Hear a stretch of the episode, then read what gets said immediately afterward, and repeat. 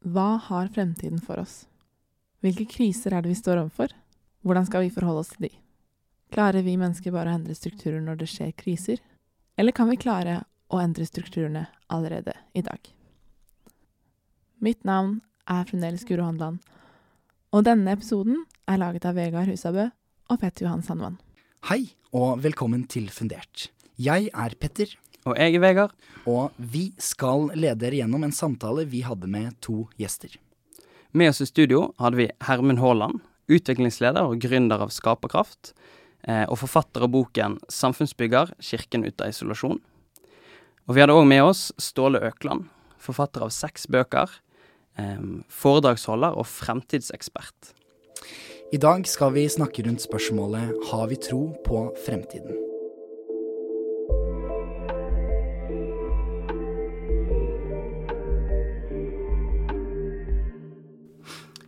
Vi kan begynne med et spørsmål til deg, Ståle.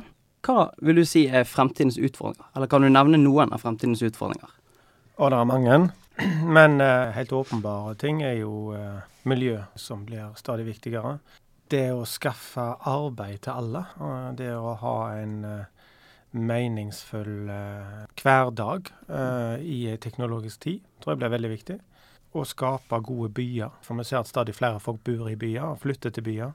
Og det å skape gode byer i framtida blir, eh, blir en viktig utfordring. Så du har liksom noen sånne megatrender da, som går på at eh, du har en globalisering, du har en urbanisering og du har en digitalisering, og veldig mye skapes rundt det. Og midt oppi der så skal folk prøve å finne sin egen identitet. Tror du at disse, alle disse um, utfordringene kommer til å prege oss nordmenn? Altså I hvor stor grad vil miljøsakene f.eks. prege landet Norge?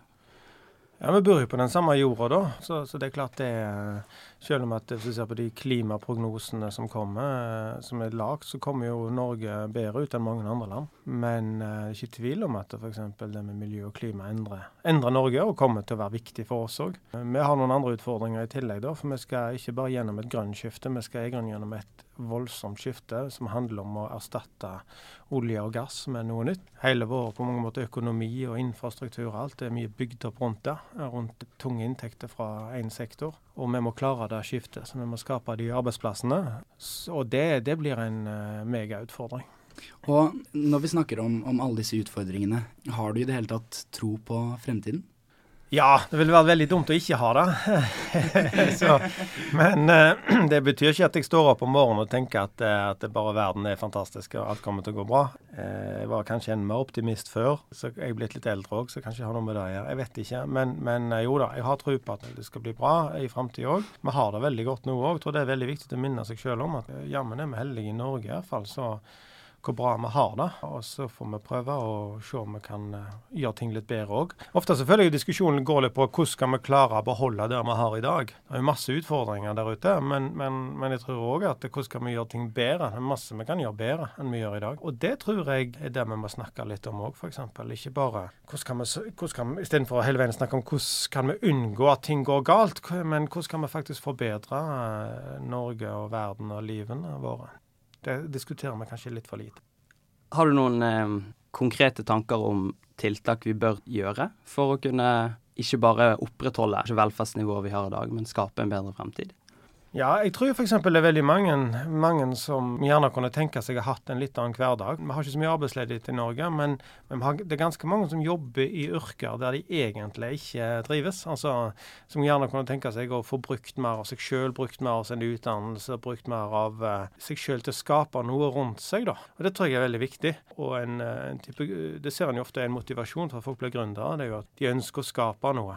Og uh, der syns jeg at hvis vi ser på arbeidslivet, så er det masse muligheter, iallfall ennå. Der kan vi gjøre ting bedre. Hvordan kan vi liksom se den enkelte? Hvordan kan vi sørge for at vi får uh, utnytta de egenskapene og evnene som folk har? Fortsatt er det veldig mye toppstyrte bedrifter, mye toppstyrt eh, i, i, i det offentlige.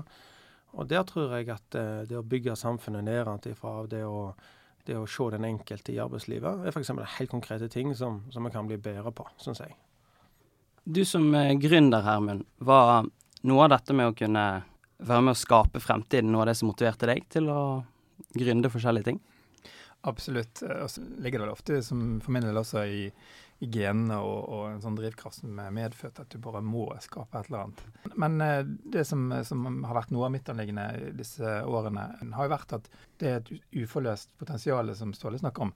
Um, generelt i, i, befolkningen, og også mot den kristne og grupperingen som har en sterk skapende arv i Norge.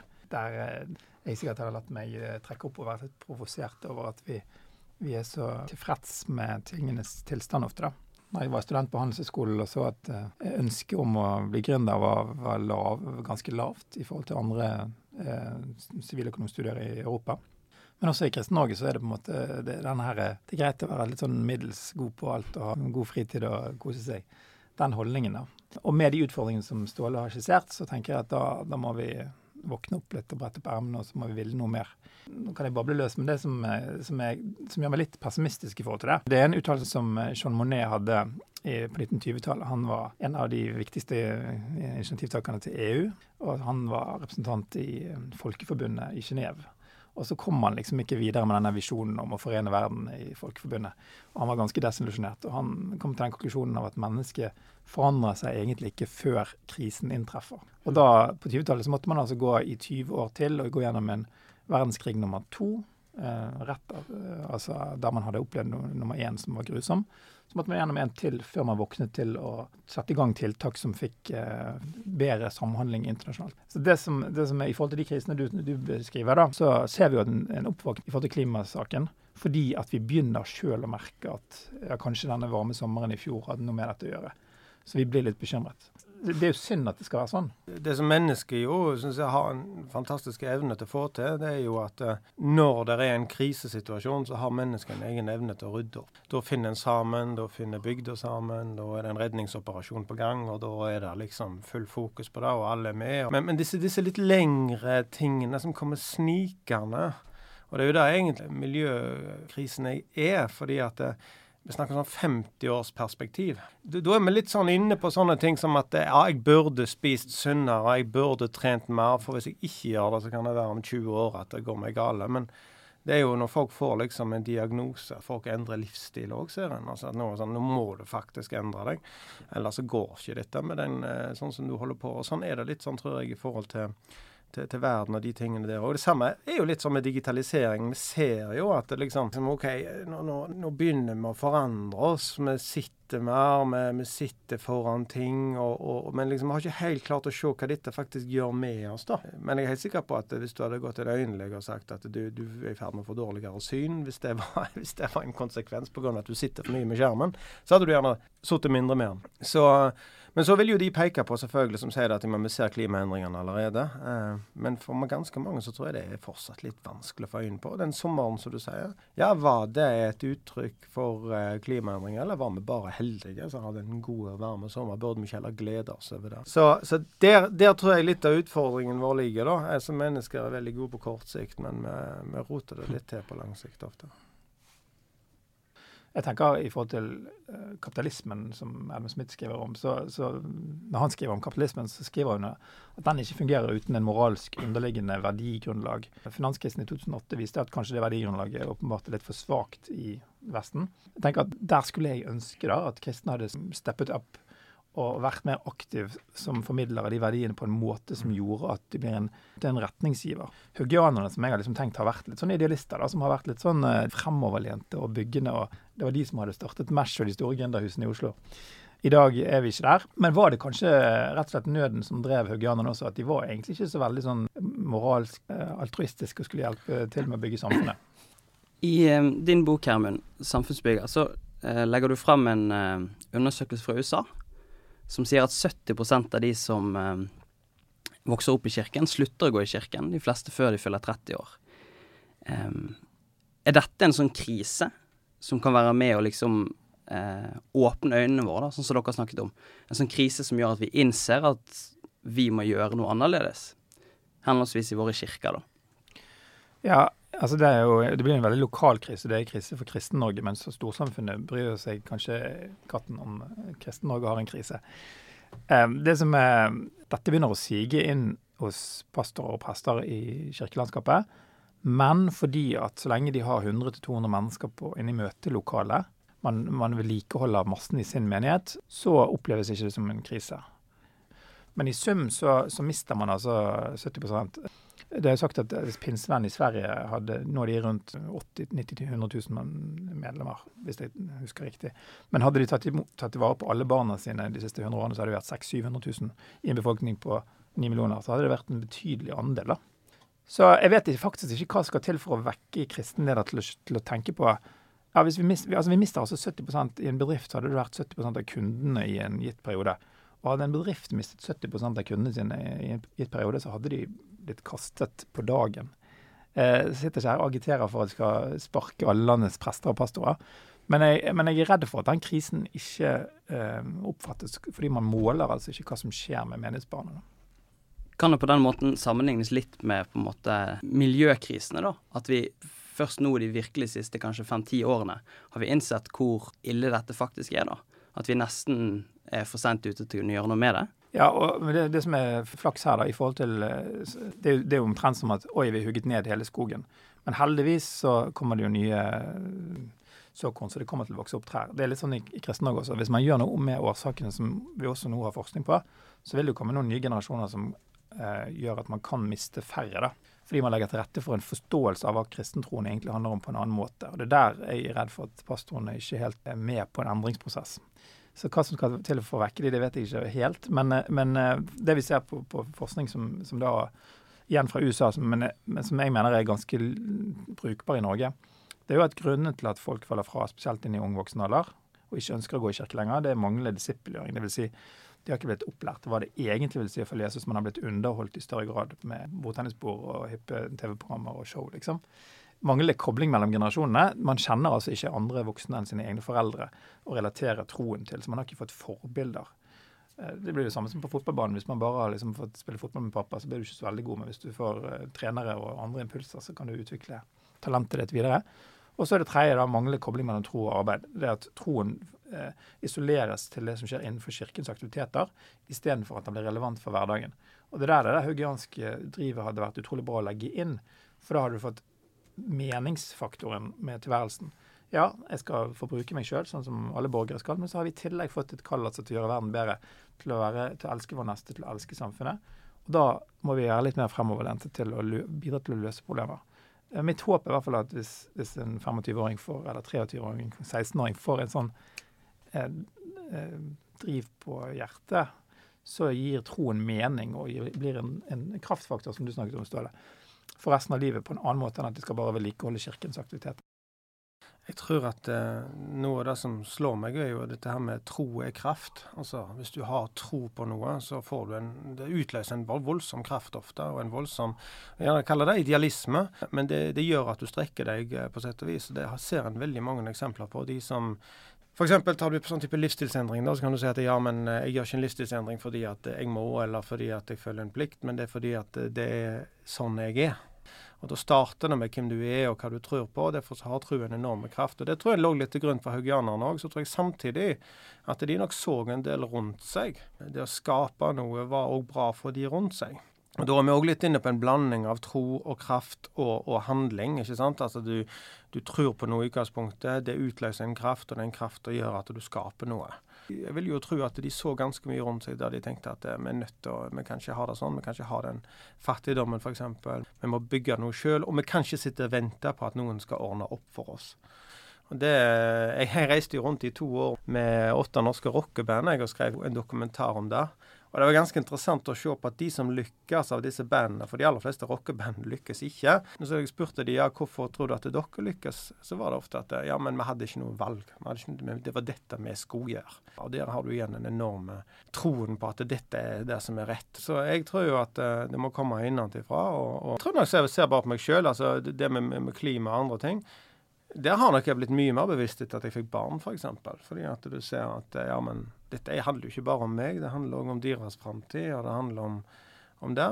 Uh, og når vi snakker om det, så er det sånn at, at kristne har et fortrinn når det gjelder det å se det lange perspektivet. Altså Vi snakker om at ok, når krisen inntreffer, så klarer de fleste å, å tilpasse seg og, og, gjøre noe bra. Men, men, er det sånn at kristne kanskje har, har litt mer av dette tiårsperspektivet, eller eh, det å se lenger fram enn en nesa si?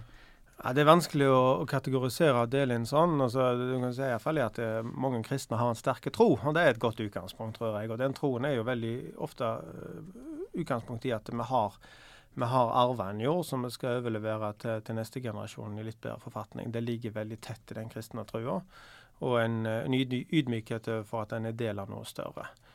Det kan du finne i andre miljøer òg. Så jeg tror ikke sånn sett, det, det er kanskje òg en del av vår humanistiske arv det som kanskje, hvis jeg skal liksom se litt sånn ikke i kristendommen i seg sjøl, men kanskje litt i forhold til trossamfunnene, da, da altså, så er det gjerne litt jeg savner litt i, det, i den kristenbevegelsen.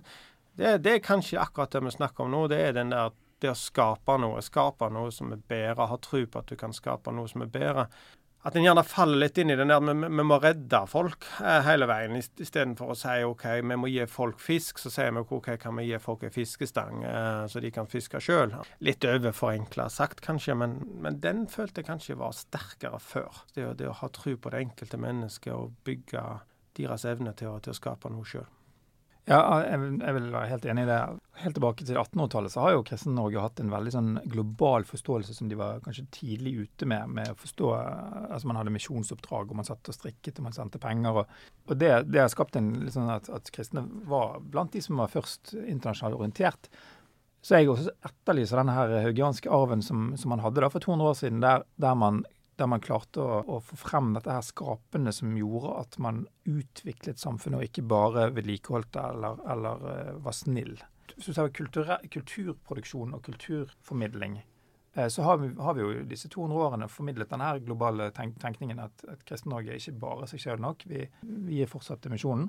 Selv om det er en utfordring med, med yngre generasjoner kristne også.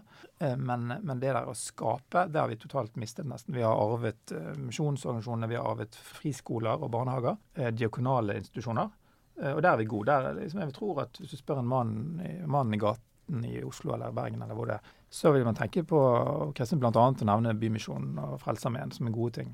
Men, men, hvor forsvant denne her skaperkraften? Utfordringene som, eh, som Ståle skisserer der, med, med, spesielt endringene i arbeidslivet som kommer, det vil jo treffe Kristen-Norge like mye som alle andre.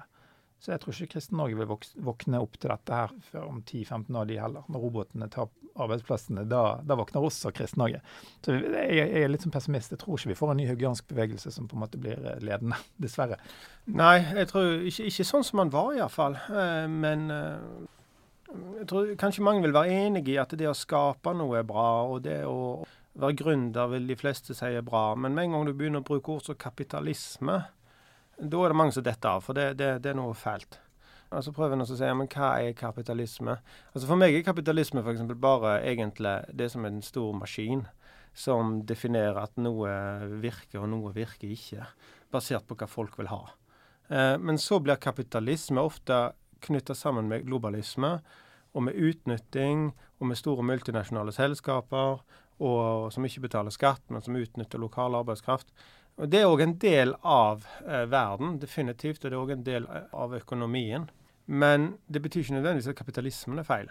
Det er veldig få som snakker om kapitalisme sånn som jeg opplever det, i et veldig positivt ordelag. Det handler veldig mye om hvordan kan vi heller prøve å begrense kapitalismen? Hvordan kan vi hindre De snakker om markedskreftene. altså Da har vi fått inn i noe sånn mørkt. Mens det jo haugianerne gjorde, var jo egentlig å bruke kapitalisme eh, til å, å, skape noe og gjøre hverdagen bedre for folk. Og hvis en ser på land som har en, eh, en markedsøkonomi, har jo vokst seg ut av fattigdom i, i mye større grad. Og Det ser en jo òg at i, i, mange land som har, har, gått over til å bli et, et mer markedssamfunn, har fått det bedre. Fattigdommen har gått ned. Men, men fortsatt er dette et veldig sånn betent tema. Med en gang du begynner å bruke ord som kapitalisme inn, da, er det mange som syns at det er vanskelig å omfavne, iallfall. Så det er noe med liksom å kunne gå inn og definere hva er et samfunn, hvordan fungerer økonomien, og hva er det vi mener i forhold til det. Ikke nødvendigvis med utgangspunkt i hva Bibelen sier om det, men litt ut ifra hva samfunnssynet faktisk har. Hva er det som bringer oss framover. Ja, og eh, jeg var kanskje litt vel pessimistisk at jeg ikke tror at det kan oppstå en haugiansbevegelse igjen. Det er jo litt av det jeg ønsker å, å, inspirere til. Jeg har fortsatt ikke gitt helt opp håp på at kan vi, kan vi stimulere neste generasjon kristne med en eh, ny forståelse av hva Guds rike handler om. Når Jesus snakket om Guds rike er kommet hele tiden, så, så var ikke det en, en, en primær fokus på, på en måte den lille flokk som skulle holde seg på bedehuset eller eh, kirken. Men det var noe sånn diametralt nytt. Det er jo et mysterium i seg sjøl. Det er mye av det Jesus sier som, er, som flyr over hodene på oss. For det er så annerledes enn det vi gjør til vanlig. Å elske det neste og vende kinnet til og sånne ting. Det, det, er krevende å få det til, men det bringer inn et sånt annerledes eh, nestekjærlighetsgrunntone som gjør at hvis alle hadde levd på den måten, så hadde verden faktisk blitt bedre. Og, og tenke, tenke, at hvis vi kan stimulere neste generasjon unge kristne til å se at det de holder på med på søndagen, og det de har gått med på ungdomsmøtene sine, det handler ikke om å liksom være trofast på møtet resten av året på søndagene til de blir 90, men det handler om å bruke den tenkningen til tenke at vi kan virkelig prege Vi kan gjøre jobben vår bra, som alle andre, men vi kan også bringe dette lyset denne saltet som gjør at, at vi, vi, ikke bare tenker på oss selv, men vi tenker på de utfordringene som ligger foran. Vi kan være med å løse de for samfunnet. Så jeg ser en liten gryende det, det, er ikke så pessimistisk som jeg ga uttrykk av. Det er en liten gruppe her eh, i, av kristne unge i Norge som begynner å lukte her at denne type tro er jo morsommere enn å bare gå på bedehuset og synge salmer til jeg dør. Så tror jeg man må se ting litt i historisk perspektiv. altså vi hadde jo behovsprøvd pensjon i Norge til vel godt inn på 1950-tallet. Og Pensjonsalderen var 70 år, og det var omtrent òg den gjennomsnittlige levealderen. Si. Så du måtte jo ta ansvar for deg og dine. Og det så en jo veldig også sterkt, og det merket du litt i den gamle garden òg. At du skulle ikke flashe luksus, du skulle reinvestere, det skulle komme andre til gode, og du skulle bygge Det var sånn du bygde opp lokalsamfunn. På mange måter så har en outsourca mye av dette til staten i dag, sånn at en sier at nei, men det, det, er staten som skal sørge, og det offentlige som skal sørge for at når du blir gammel, så får du en pensjon. Når du blir syk, så får du hjelp. Og det er det mye positivt i.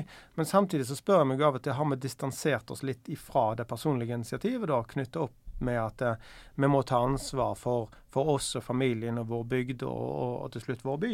Er, er, insentivene for å være haugianer mindre i dag enn de kanskje var den gangen? Altså Det som er interessant, er å se til Storbritannia. fordi velferdsstaten er ikke så robust i Storbritannia. Eh, det begynte allerede i forrige regjeringsperiodene. At, var, Enten var det Blair eller så var det i hvert fall Cameron som gikk til kirkesamfunnet og, og sivilsamfunnet og sa dere må hjelpe oss å løse velferdsutfordringene, for vi har rett og slett ikke råd. Utfordringen i Norge er jo at vi har en velferdsstat som for øyeblikket har råd de neste ti årene. Da er vi tilbake igjen til den krisen som kanskje må treffe oss da før det personlige ansvaret våkner. Ja, og det kan godt være at den nye haugianerbevegelsen, hvis det blir en sånn en, er knytta opp mot f.eks. Eh, det grønne skiftet. At folk tenker som så at vi har ikke tid nå til å vente på at staten skal ordne opp for oss. Ikke, det, det, går for tregt. Staten er altfor avhengig av både oljepenger og alt mulig til at en klarer den omstillingen. Så vi må begynne å gjøre noe sjøl. Og så begynner en å skape disse bedriftene som skaper det grønne skiftet. Og det ville jo vært spennende, for da hadde du vært inne i litt den samme tankegangen, men på et litt globalt perspektiv. Vi, vi går inn og så, og så, og så skaper vi disse bedriftene som må til for å klare dette. For uh, vi må begynne med hver enkelt av oss. Mm. Det som i hvert fall er helt tydelig synes jeg, i samfunnsdebatten, det er jo da at uh, folk uh, leter etter identitet. hvem er jeg, hva tror jeg på, hvordan ser jeg meg sjøl i forhold til verden? Og, og der har jo i hvert fall definitivt uh, kristendom noe å bidra med. og Kanskje må en òg gjøre seg relevant i enda større grad. Jeg husker jo når jeg vokste opp på, på Bryne, så så var jo alle innom i kirka av og til. Enten du var med på fulltid, holdt jeg på å si, eller du var med på fritidsklubben. Det var, var mye der det skjedde. Så det var, det var, kjekt, da. Men det som faktisk gjorde inntrykk, var jo når vi begynte å diskutere viktige, grunnleggende ting. da, Spesielt i en alder der du er ungdomstid, da, der du uh, stiller deg de store spørsmålene. Og Der tror jeg en må være med. Jeg tror en må i enda større grad gjøre seg relevant, og i enda større grad vært til stede i, de diskusjonene som går i samfunnet. For ellers så tror jeg at Det har vært en diskusjon da hvor mye skal liksom Kirka blande seg inn. Og jeg syns Kirka skal blande seg inn. Uh, men det skal ikke nødvendigvis være ett syn på det, at nå er det én prest som har uttalt, og derfor så mener alle det. Men det skal definitivt være Når jeg skrev um, jeg skrev 'Operasjon Gamma', eh, som jo var en bok om eh, det hardeste kriminelle miljøet i Norge, nemlig eh, gjengmiljøet nær på Holmlia. Der jeg fulgte politiet et år. Og der jeg òg snakket med mange av disse gjengmedlemmene for å finne ut hvorfor oppstår sånne miljøer i Norge. Da var det, heiv jo sognepresten seg innpå. Men da hadde det vært skyteepisoder, og da fikk til med presten nok. Så da ble det kalt inn til presten for langt å få allmannamøte og gikk til politiet og sa nå må dere møte opp. Og det gjorde de, og det var fullsatt i Holmlia-hallen der en diskuterte hvordan er det egentlig vi vil ha det, hvordan kan vi unngå gjengproblematikk, hvordan kan vi sørge for at ungdom får det bedre. Jeg tror ikke jeg så noe negativt rundt det, men da var plutselig, da plutselig kirka relevant. Altså, Da var det en prest som sa vet du hva, dette går ikke lenger, nå må vi gjøre noe.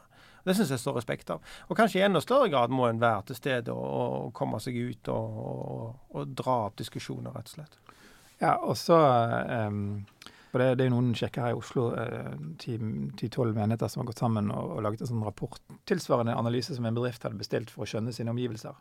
Og, og, hvis menighetene klarer å mobilisere litt på hvordan menighetens medlemmer til å tenke at dette er noe vi kan ta tak i og bidra til å løse, ikke alene, men å jobbe for, så kan det kanskje forløse en energi. Eh, så tror jeg også at det, fordi at vi lever i et, vel, en, en, unik historisk periode med, med, så mye velstand i Norge, og, og da handler det om liksom, hva er det som gjør at du bruker eh, fritiden din eller eh, jobbtiden eh, til noe annet enn å kjøpe en hytte nummer to, eller en cabincruiser nummer to, eller et eller annet. Drømmen min ville vært at um, i kirkene, menighetene, så, fant du, så utviklet de uh, med noen som kunne bistå og, og, coache spesielt videregående elever og studenter med å finne sin plass. Finne mm. hvor, hva er du motivert med livet. sånn at vi det blir et fortrinn å gå i kirken, for du får ekstra hjelp til å finne svar på de spørsmålene som alle ungdommer går igjennom. Og Det kan også være en sånn evangeliseringsverktøy. Altså, du, hvis naboen får oppleve at nå fant jeg studiet mitt kjappere fordi at vi har en coach i kirken som kan gå, gå gratis til, og fikk fire timer og fikk hjelp til å kartlegge mine talenter og, og hva som trigger meg. og da, Dette studiet jeg fant ut, var bedre enn det, fordi det, sånn er jeg. liksom. Da hadde det kanskje vært gøy å få et kompis med i kirken også. Ja, og så er det den der eh, balansen, da. For det, som vi sier at det tro er kraft, så, mm. så vet vi òg at når folk virkelig tror på noe, så så vil de gjerne òg at andre skal tro på det samme. Mm. Eh, og av og til så kan det være lurt å la folk komme litt til en sjøl, istedenfor å gå ut og få de til å komme inn. Og jeg ser jo f.eks. må jo si det at eh, vi går ikke i kirka med hver søndag, men vi går der av og til. Og det er noe med liksom å komme inn i en kirke som er åpen, og sette seg ned, ha med barna, høre litt på hva som blir sagt, og føle at du er liksom Det er noe evig, noe, noe, noe bestandig ved dette i en, i en veldig sånn omskiftelig verden, da. Og Der tror jeg at en må være på mange områder. På noen områder så må du være ute og skape. Noen ganger må du bare si 'kom til oss', og så hvis du har lyst til å være her, så kan du lytte. Så, så, så, så det er ikke liksom enten-eller eller alt smidd over én. Jeg tror det er rom for mange her. Det er ganske interessant, for når du studerer endring, så ser du at eh, vi snakker jo hele veien om at alt endrer seg, og folk endrer seg. Nei, de gjør egentlig ikke det. De sosiale behovene eksempel, og behovene mennesker har, endrer seg veldig veldig seint. Vi har behov for å se andre mennesker, vi har behov for å føle at vi, vi gjør noe nyttig, at vi, vi, er viktige, at vi blir sett. Og Mange av disse tingene ble definert i Maslows behovspyramide. De har ikke endra seg. Så jeg tror det er jo hele veien igjen tilbake å gjøre seg sjøl relevant, altså å, være i det rommet der. For, for spørsmålene vil bli stilt òg i framtida. Tror du at Eller du snakker jo litt om kirken som noe sånn evig, da. Som man kan koble seg litt på. Tror du det vil være, bli mer relevant i fremtiden? Vi ser jo liksom at endringene skjer fortere og fortere i samfunnet og sånn. Tror du Kirken blir mer relevant i den forstand? Ja, jeg tror f.eks. hvis vi ser på én ting som skjedde når Notre-Dame brant, f.eks., så var det veldig utløste det eh, en stor sorgreaksjon. Eh, og det jeg tror jeg ikke bare handler om at det var et fint, gammelt bygg. Jeg tror det handler om at det, det rokker med et eller annet. Det er noe som har vært der, det er noe som er der. Det er noe som som er en del av oss. Eh, og, det ble på mange måter veldig sånn konkret. Det er den bygningen som brenner. Eh, så jeg tror vi har disse Jeg tror vi søker litt etter disse tingene. Ikke, ikke en sånn rom, romantisk forestilling av fortida at uh, ting var bedre før og, og vi er redde for framtida, men jeg tror at grunnen da, for å si det sånn, til at, at kristendommen har vært så sterk, det er jo nettopp at han har møtt mennesker med utgangspunkt i Eh, de spørsmålene og de behovene en har hatt i så lang tid. Jeg tror at eh, selv om altså på Vestlandet, går tilbake 50 år i tid, så var det jo ikke så var jo utvalget relativt begrensa. Du ser på eh, sammenligna med i dag, der du, du, møter mange som har en tro om veldig mye. Men allikevel så ser en jo at de spørsmålene vi stiller som mennesker, er de samme fortsatt. Og kommer til å være det, sånn som jeg tror iallfall, egentlig i all framtid. Vi kommer til å lure på hvorfor vi er her, og hva er det vi kan bidra med, og hva er meninga med dette livet vi har, og hvordan kan vi bidra til folk rundt oss. Så, så jeg tror absolutt at det, der er det noe slags evig over det hele.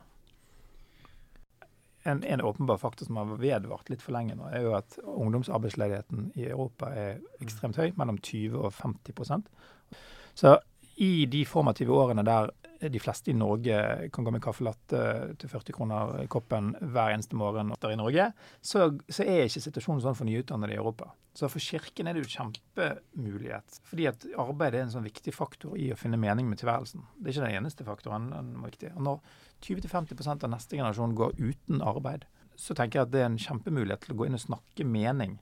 Og kombinere det da, da med, med liksom å bidra til å forløse den arbeidskraften, sånn som haugianerne gjorde.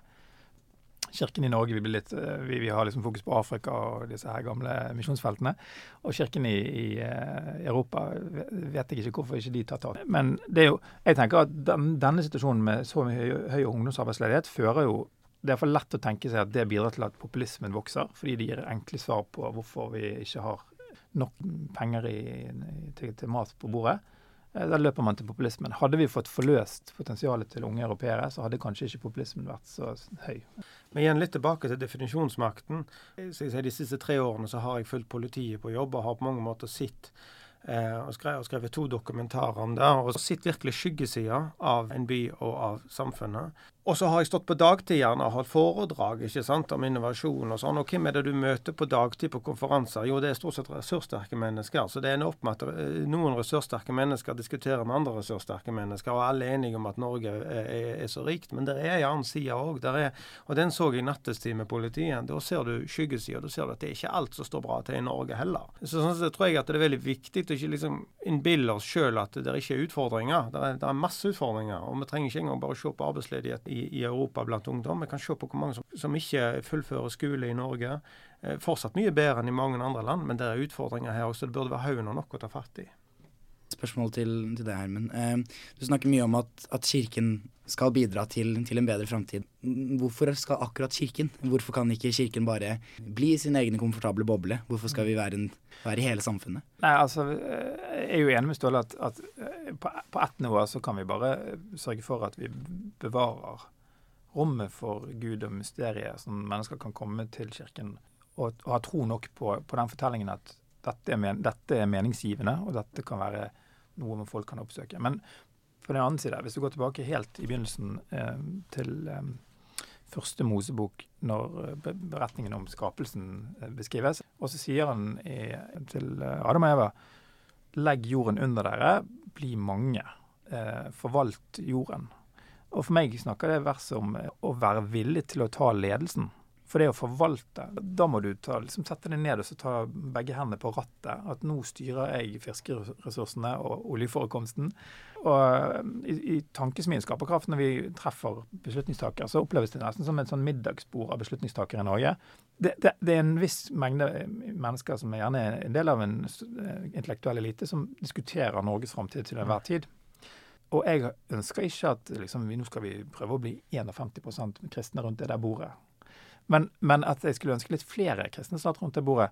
Fordi jeg tror at de, de, verdiene vi står for, har noe å bringe til bords.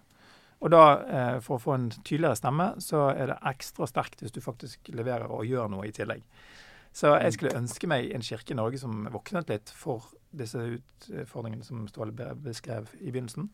Ikke da bare i form av at en biskop mener at vi skal ikke ha oljeutvinning i Lofoten, men at vi faktisk forløser de som går i kirkene våre, til å aktivt ta del i eh, å være løsningsorientert eh, og, og, bruke litt mer tid på det enn å bygge hytte nummer to. Og da tror jeg også at bieffekten vil være positiv for Kirken. Fordi at det viser at folk faller nettopp ut fordi de blir ikke utfordret på tro og arbeid. Så de gidder ikke gå der til de blir 40-50.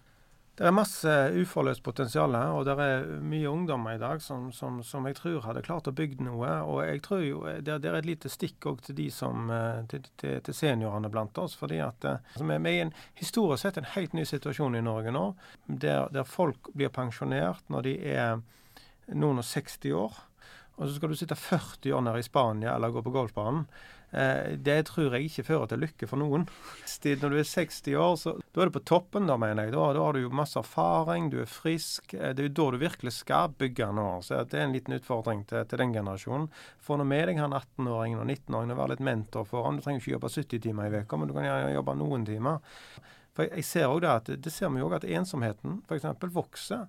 Og den vokser òg spesielt eh, blant, eh, blant eldre, som, som, som, føler at de, ikke, de blir ikke hørt lenger. De er ikke en del av disse som sitter rundt bordet og diskuterer Norges framtid. De er ikke relevant lenger. Og Der, der har næringslivet òg en kjempeutfordring. fordi det, det, viser seg jo at det er fryktelig vanskelig å bytte jobb når du passerer f.eks. 55 år.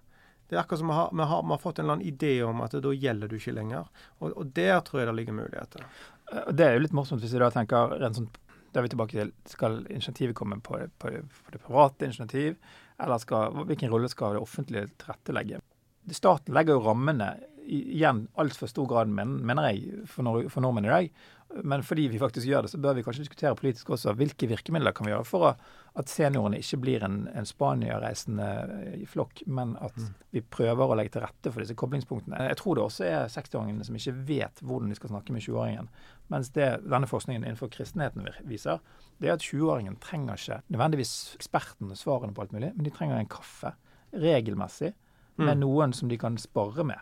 Og jeg tror der er den livserfaringen alle norske 60-åringer har å komme med til en 20-åring, kan settes i sving til å bare drikke kaffe med 20-åringene som står overfor alle disse livsvalgene. Vi eh, nærmer oss en avslutning av denne episoden. Men har eh, dere noen tips til eh, unge, voksne, gamle, enten de går i kirken eller ikke, for hvordan vi eh, som hver enkelt kan ta mer tak i noen av disse fremtidens utfordringer som du har skissert, Ståle. Enten det er klima, enten det er å skape nye arbeidsplasser, bidra til meningsfull hverdag, eh, skape en god by. Eh, jeg tror, Hvis vi går litt igjen tilbake til som, hvem er vi som mennesker, og, og sånn, så, så, så, handler det nok veldig stor grad Men en må, må, klare å få de menneskene som, som, som, ser litt mer enn bare sin egen hverdag oppi dette her, til å, til, til å se nytten av å bygge noe i samfunnet. da. For det er egentlig det det handler om. Det å skape noe rundt seg. Og Da er det veldig ofte sånn at vi mennesker, vi, vi, vi finnes, når vi begynner å finne sammen med andre mennesker som òg mener disse tingene, som, og vi begynner å komme i et miljø, og vi er i et positivt miljø der andre òg tror og vil de samme tingene, det er da en skaper noe sammen. Og Jeg vil eh, kanskje sitere en, han er professor i, på Regent University i Vancouver og har jobbet mye med kallstenkning. Han har skrevet en bok 'Visions of Vocation Common Grace for the Common Good'. Og han sier at når du vet det du vet om deg selv, og du vet det du vet om behovene du ser på jorden, hva vil du gjøre med det? Og da eh, Utfordringen til, til eh, i hvert fall Kirke-Norge, og egentlig utdannelsesinstitusjoner og samfunnet for øvrig, det er hjelp folk da når vi er på toppen av Maslows eh, behovspyramide, å finne ut hvem du er, sånn at du vet hvilke talenter du har, hvilken motivasjon du har, og hva du egentlig ønsker å gjøre med livet ditt. Helt avslutningsvis, på fire år på Handelshøyskolen i Bergen så hørte jeg aldri spørsmålet 'Hva skal du med utdannelsen din?' Før, på et sånt studentdrevet symposium, kom eh, tidligere redaktør av Fortune Magazine, eh, så helt stille hva han het for noe, og han skre, sa til studentene 'Hvorfor er dere på Handelshøyskolen? Hva vil dere med disse årene her? Hva er meningen med det du holder på med?' Og det spørsmålet tror jeg vi burde stille i kirkene og hjelpe unge mennesker å avklare det. Og så burde vi kanskje ta det inn igjen i utdannelsesinstitusjonene også. Ja, og Kanskje dempe forventningene litt til hver enkelt oppi det hele. For av og til så føler jeg vi sitter og diskuterer hva er liksom den store planen for klimakrisen. Hva er den store planen for eh, hvordan vi skal bli uavhengig av olje. Hva er den store Det er mange små planer, og alle kan gjøre noe. Og Hvis vi begynner der, så tror jeg at da begynner det å skje noe. Og med det så tror jeg vi må runde av denne episoden. Takk til dere, Hermen og Ståle, for Veldig spennende samtale. Jeg vet iallfall at jeg har blitt klokere og fått mye å tenke på. Takk for at du hørte på denne siste episoden av Fundert-serien Stoa. Takk til Ståle Økland og Hermen Haaland for god innsikt i hva fremtiden bringer, og hvilke grep vi burde ta for å skape et bedre samfunn. Ønsker du å følge arbeidet til Senter for tro og arbeid videre, så anbefaler vi deg å like siden på Facebook. Skaperkraft Senter for tro og arbeid. En annen ting du kan gjøre, er å lese boken til Hermen Haaland. Samfunnsbygger Kirken ut av isolasjon. Denne episoden ble produsert av Vegard Husabø, Petter Johan Sandvann og meg, Guro Handeland. Funder videre med oss.